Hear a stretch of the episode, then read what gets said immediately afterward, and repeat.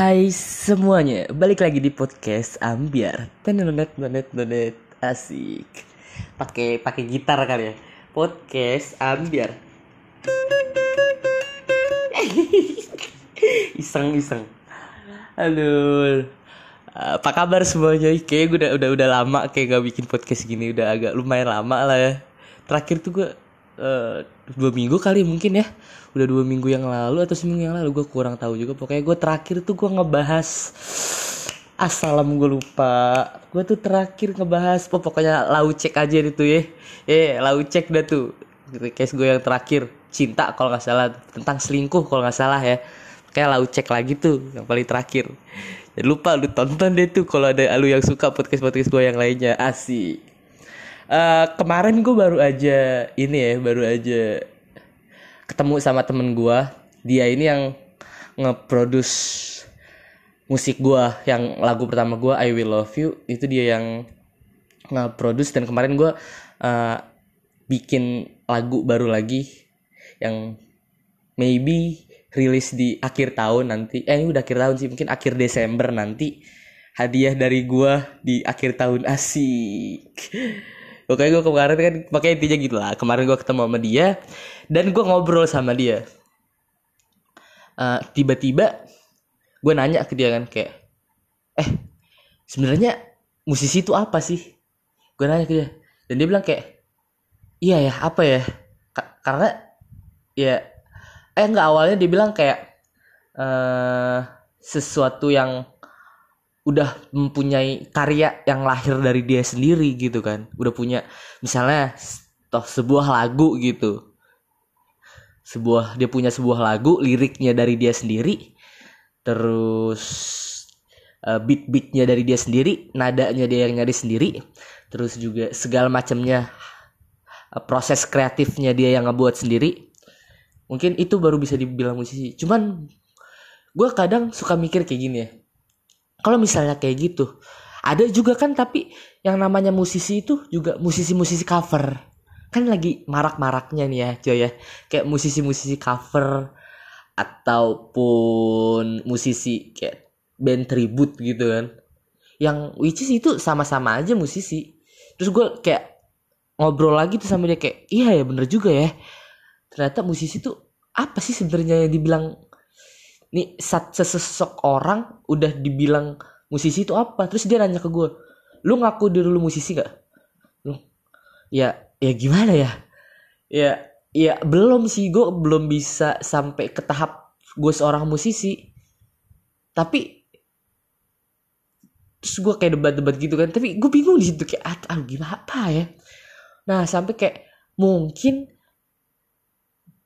dibilang seorang musisi itu apakah dari pengakuan pengakuan orang-orang sekitar. Misalnya kayak lu punya circle lu sendiri ataupun lu punya karya dan didengar sama orang banyak dan ketika uh, orang itu ketemu sama lu wih gila kemarin lagu lu keren. Ih lagu lu relate banget sama gue nih. Keren banget lagu lu kemarin gila gokil. Asik lagu lu ataupun apa segala macam itu. Itu kan kayak pengakuan gitu. Gila lu musisi banget parah. Gila lu ini banget. Ataupun pengakuan dari dirinya sendiri gitu kayak ini gak lucu banget kayak aduh anjir. Tapi bingung gue tuh sama temen gue ini apa sih musisi itu. Mungkin kalau uh, lu semua ada yang paham musik gitu ya dan mengerti apa itu musisi bagaimana orang itu bisa dicap sebagai musisi lu bisa komen gitu kan di atau kirim ke email gue sebagai pencerahan juga bagi gue gitu kan. Iya balik lagi kayak apakah seorang musisi itu pengakuan dari dirinya sendiri? Yang which is kalau misalnya uh, eh, gue bisa nyanyi nih gue bisa main bass nih gue bisa main gitar nih gonjeng gonjeng gue musisi. Gitu dong pengakuan dari sendiri dia sendiri. Cuman kalau misalnya ya main gitar gitu anak-anak pengamen juga bisa ini dong. Oh iya gue lupa. Ada juga musisi namanya musisi jalanan men. Seorang pengamen yang kayak mencari nafkah dari gonceng-goncengan gitar dan ke mana-mana sana sini musisi jalanan. Itu bisa dibilang musisi jalanan men. Eh, apa ya? Mungkin mungkin gini kali ya kayak musisi itu uh, sebuah cap kepada orang yang bisa main alat musik ataupun bisa memainkan alat musik sambil ataupun dia bernyanyi ataupun semua hal yang berkaitan dengan musik. Entah itu produser kah? Eh iya gue juga kalau misalnya produser nih ya itu masuk ke musisi apa enggak? Tapi ntar dulu deh itu tahan dulu. Balik lagi ke musisi jalanan. Eh, balik lagi ke musisi bisa main alat musik. Seorang yang udah bisa main alat musik apakah dia sudah dibilang musisi? Gua rasa sih bisa cuman musisi yang dapat respect dari orang ataupun musisi yang karyanya emang didengar banyak orang itu beda semakin dia punya karya bagus dan banyak didengar sama orang kasta kemusisiannya itu naik gitu. Anjing so tau banget gue soal anak musik gue. Ini masih tahu gue aja nih ya. Setahu gue aja begitu.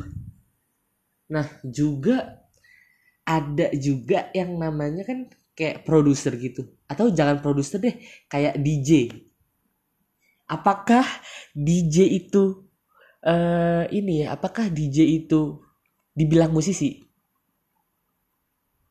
karena kan dia ya tinggal naik ke atas panggung playpad jijuk jijuk jijuk jijuk jijuk jijuk orang goyang udah kelar. Nggak pakai effort buat main gitar. Dan dia ngambil beat beat juga ada beat beat orang ataupun atau mungkin juga bisa beatnya dia sendiri kan. Kalau DJ gitu. Kita diskusi aja lah ya kayak gue nggak kemarin hasil gue kemarin ngobrol lama temen gue yang ngeproduce lagu gue gitu kayak aduh anjir aja terus juga kalau misalnya kayak band tribute gitu ya uh, kita ambil misal kayak tribute Oasis atau tribute The Beatles gitu kan. Apakah um, yang mainin tribute itu kalau misalnya dia mainin tribute dan lagu orang itu musisi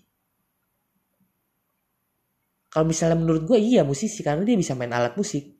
Cuman kalau paham dari temen gue yang kemarin gue cerita itu dia bilang enggak karena dia mengkelaskan kalau misalnya musisi itu udah punya sebuah karya udah punya sebuah apa ya sebuah anak dari ininya dia lah udah punya anak punya karya sendiri.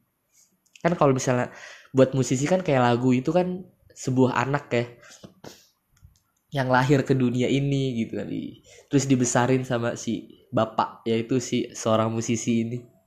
Asik. Itu kayak gitulah.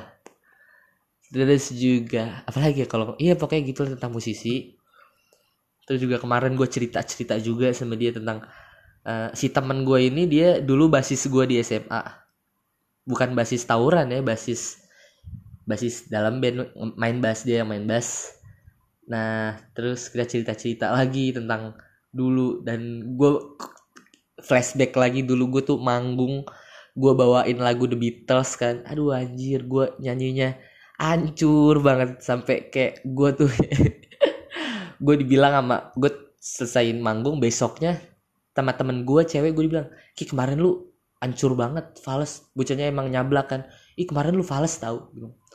Serius lu dan di situ gue masih kayak kekeh bahwa bagus kan karena ya seenggaknya gue bagus deh gue gue udah bisa maju. Dan gue ngerasa oke oke aja.